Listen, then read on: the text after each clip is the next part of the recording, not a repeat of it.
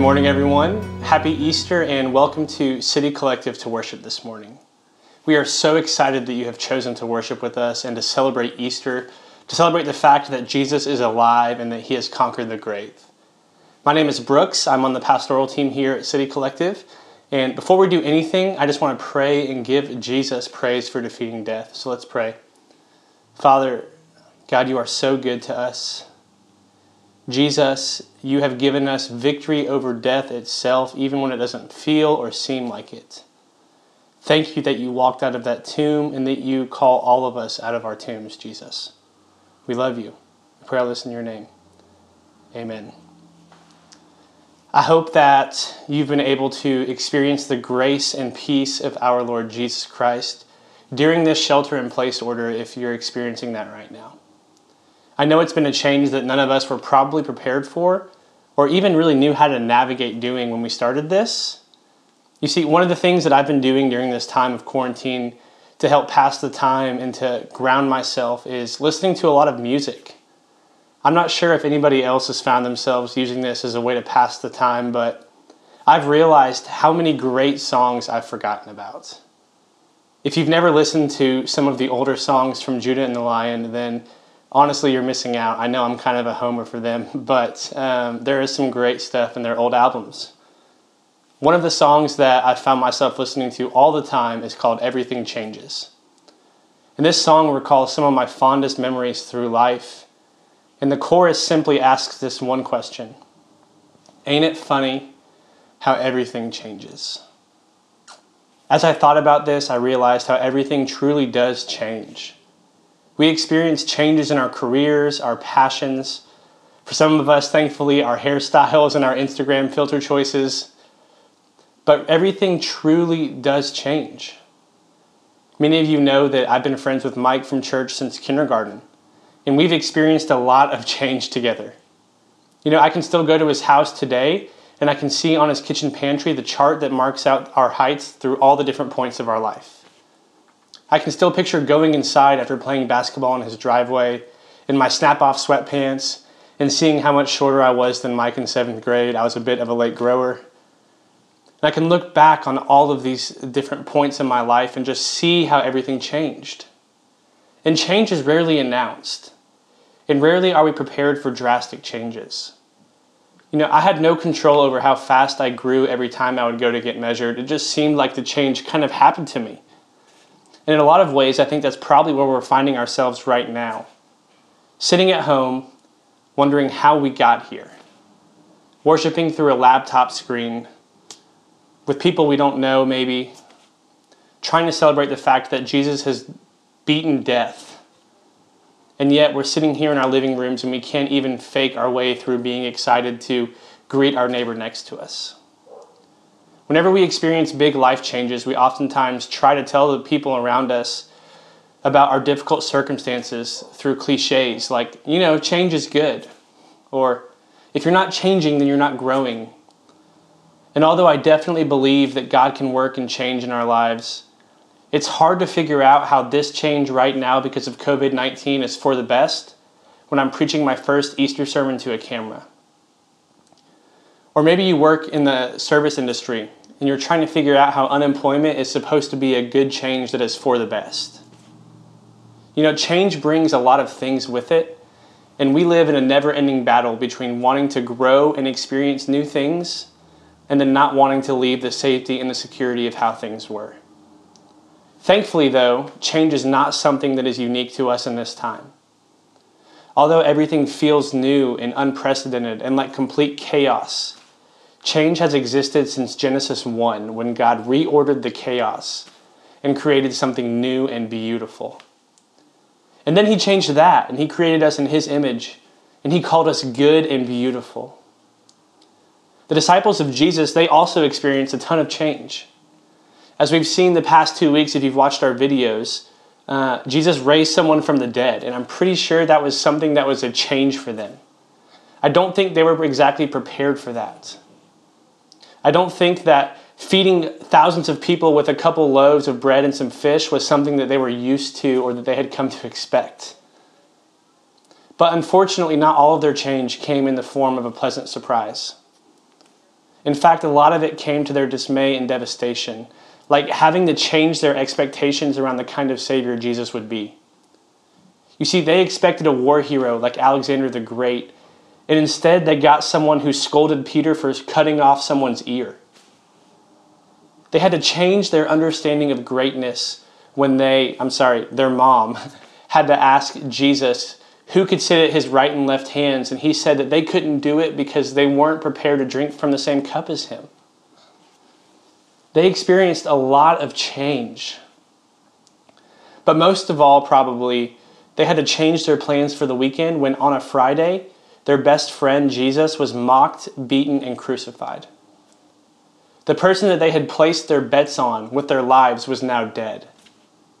Like, let that change sink in. And many of us can really resonate with them because we're experiencing grief, because we feel that an entire career path or a dream that we had is now dead. Many of us are lamenting the death of what we fear to be friendships because we don't think anyone's going to check on us and we think we're going to be completely alone. Many of us are lamenting all of this change, and if we're honest, we're mad at it. But I think the disciples were mad too. You see, change came into their tight knit group and it shook things up so that their best friend and leader was killed, and they were too humiliated or afraid to even claim him as a friend. But there was another change that happens in this story that I want to talk about. And that is the change that we find in John chapter 20, starting in verse 24. This passage is after Jesus rises from the tomb, and I think that's maybe what you were expecting on a Sunday like this one the day where we celebrate Jesus walking out of the tomb. But in prayer these past few weeks, I've really felt like God was leading me to preach from a different passage, to change my plans and look at how the change in the tomb affected one of Jesus' disciples. So, starting in verse 24 of John chapter 20. Now, Thomas, one of the twelve, was not with the disciples when Jesus came. So the other disciples told him, We have seen the Lord. But he said to them, Unless I see the nail marks in his hands and put my finger where the nails were and put my hand into his side, I will not believe. A week later, his disciples were in the house again, and Thomas was with them. Though the doors were locked, Jesus came and stood among them, and he said, and hear this this morning, Peace be with you. Then he said to Thomas, Put your finger here, see my hands. Reach out your hand and put it into my side and stop doubting and believe. Thomas immediately said to him, My Lord and my God. And then Jesus told him, Because you have seen me, you have believed. Blessed are those who have not seen and yet have believed. Jesus performed many other signs in the presence of his disciples, which are not recorded in this book. But these are written that you may believe that Jesus is the Messiah the Son of God, and that by believing you may have life in his name. And that is the word of the Lord out of John chapter 20 this morning for us. Do you see the beautiful humanity of Thomas's response to the work of God that John records for us? You see, the world and the enemy had taken their best shot at God. They had crucified him and buried him in a tomb. They thought he was never going to be heard from again. You see, death tries to use the uncertainty of the present to convince Thomas and his disciples that the change that they are experiencing is the only reality that they will ever know. The pain of what they're feeling in the moment Jesus is crucified is enough to convince them that they will never see their friend again. You see, the changing of their circumstances, it tried to convince Thomas and the disciples that it changed the character that it changed the reality, and that it changed God's ability to actually keep his promises. Change causes Thomas to doubt, just like it does for me. I think doubt is a natural thing when we start to lose the things around us that have given us identity and meaning and security. And although none of us like to admit it, I will be the first person to confess that I'm honestly a little embarrassed at how much faith I had in an entire economic system to give me security when it is becoming more and more apparent that it is as fragile as one virus to completely upset the whole thing. And I don't think that Thomas doubted because he was trying to be a bad follower of Jesus or because he was more flawed than the other disciples. You see, I think doubt is a natural human response to things like fear and anxiety and anger and confusion and a lot of the things that many of us are feeling in this time of COVID 19. Maybe you're afraid that God really isn't in control through all of this because it seems like if He was, He would have put an end to it by now. Maybe you're anxious that God doesn't actually care about us because you feel forgotten about in the midst of everything. Maybe you're angry that this is all happening, and so you start to question if God is even good. Or maybe you're just straight up confused about how this is happening or why it's happening, and so you can't reconcile this with the fact that we're supposed to believe that God is good and kind or even real at all. You see, I would argue that Thomas probably experienced all of those at some level too. But I want us to look this morning at how Jesus responds to Thomas's doubt. Jesus says, Peace be with you. Child, come and touch my scars and see that I am real, that I am powerful over death, and that I love you. You see, Thomas's concerns or doubts, they're not met with shame or hostility but they are met with kindness and compassion. They are met with understanding and an invitation that has always been true of Jesus, and that is to come and to see and to experience life. And reflecting upon this that I realized the truth that God had for me this week, and that I believe God has for our church or you if you're watching this. See, the truth is, is that everything around us may change. Just like that Judah and the Lion song, just like my friend Mike's pantry when I go back and look at all the different heights I had growing up. But the changing of our circumstances absolutely cannot change God's nature towards us, his victory over death for all time, and his plan to restore everything back to perfection. Although fear, anger, and anxiousness, they try to sow seeds that are harvested as doubt in God Jesus meets us in our doubt with his unchanging nature. The nature that ex- extends his hands to be felt and that we take comfort in. You see, Thomas was with Jesus every step of the way throughout all of the Gospels. He saw all of the miracles. He had three years worth of life experience to look back on to say, maybe this Jesus guy actually can rise from the tomb. But the pain of the current moment that was brought about by this change, you see, it had convinced him that unless he saw Jesus in person, he could not believe the resurrection was real. Think with me, if you can, about this situation. Thomas's best friends that were living with Jesus, following Jesus for the past three years, that witnessed countless miracles they're even telling Thomas, Thomas, we have seen him, he's back. And despite this, Thomas says, Unless I see it myself, I cannot believe it. Has the pain of this current moment has it killed off your ability to believe that there is still hope? Has it convinced you that the good news can't possibly be as good as it claims to be, or that maybe it's not news at all and that it's just a rumor? You see, I don't know what Thomas was thinking. Maybe he was afraid to get his hopes up. Maybe he was so hurt by the current circumstances that were brought about by change that he didn't want his friends to play with him. He didn't want to put his hope in something that would ultimately lead to more devastation. He didn't want to try and rejoice or choose to believe in something that seemed so far out of his control. If you feel anything like that at all, then know that you're not alone. You see, I struggled all week trying to believe what I am teaching you right now. Take comfort in this, though. Jesus, because his nature does not change, he meets us in our doubt with compassion and grace. You see, Jesus meets us in that and he says, Peace be with you, child. But it's not just peace that is as simple as a cliche saying, don't worry, it'll be okay. Or everything will work out in the end, or this is going to be for your best. You just have to let see it out and trust. But Jesus gives us peace that comes from the hope of a risen Savior who has tasted death, and he has arisen victorious over even the most formidable foe. He understands our doubt because he has encountered it before, and when he did, he reached out and said, Touch my scars, child. You see, it is okay to have hope that is deep in your soul, even if everything in your life changes. Even if everything about your friends' lives, your neighbors' lives, no matter what COVID 19 does to change your life, you can hope that we too can receive the peace from a Savior who has conquered death itself.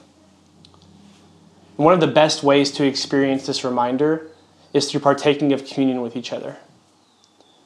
And so this morning, I know some of you who are in our communities are going to meet in a Zoom room and take communion. But if you don't have that as an option, then I want to invite you. Hopefully, you have bread and grape juice or wine, whatever your thing is. But we're just going to take communion this morning.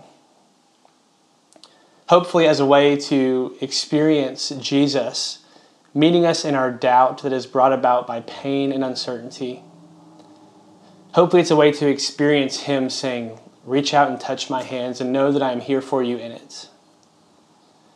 Know that just because everything around you changes, that I cannot be changed in my love for you. And I cannot be changed in the fact that I have called you into a new life. I love what John writes in this gospel when he's ending it, it's actually something that I hadn't ever recognized or maybe even caught my attention before in this passage. But John writes, he says that he has written all that we may believe that Jesus is the Messiah, the Son of God, and that by believing we may have life in his name. Like, do you catch that? That the resurrection life of Jesus is not just something that we put our hope in to kill our sins, but it is something that is offered to us to walk in right now that we have hope that walks into a brand new life that is given to us from the peace and the shalom of Jesus. And so, if you have your communion, I just want to invite you to take your bread. And if you can, just break it. And know that the breaking of the body of Christ, that it does seal our forgiveness of sins, but so much more than that, it reminds us of the fact that we have a Savior whose body conquered death that he did it in the flesh so that we too may have new life. So go ahead and take of the bread.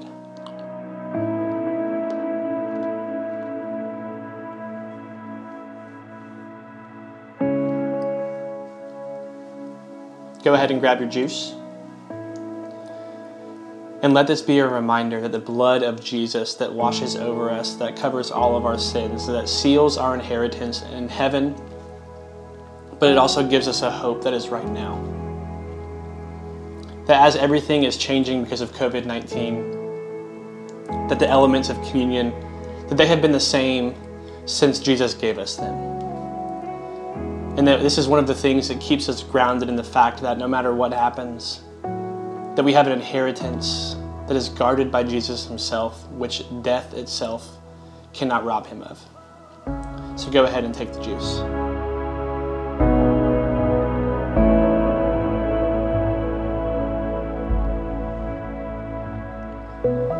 I'm going to pray for us this morning.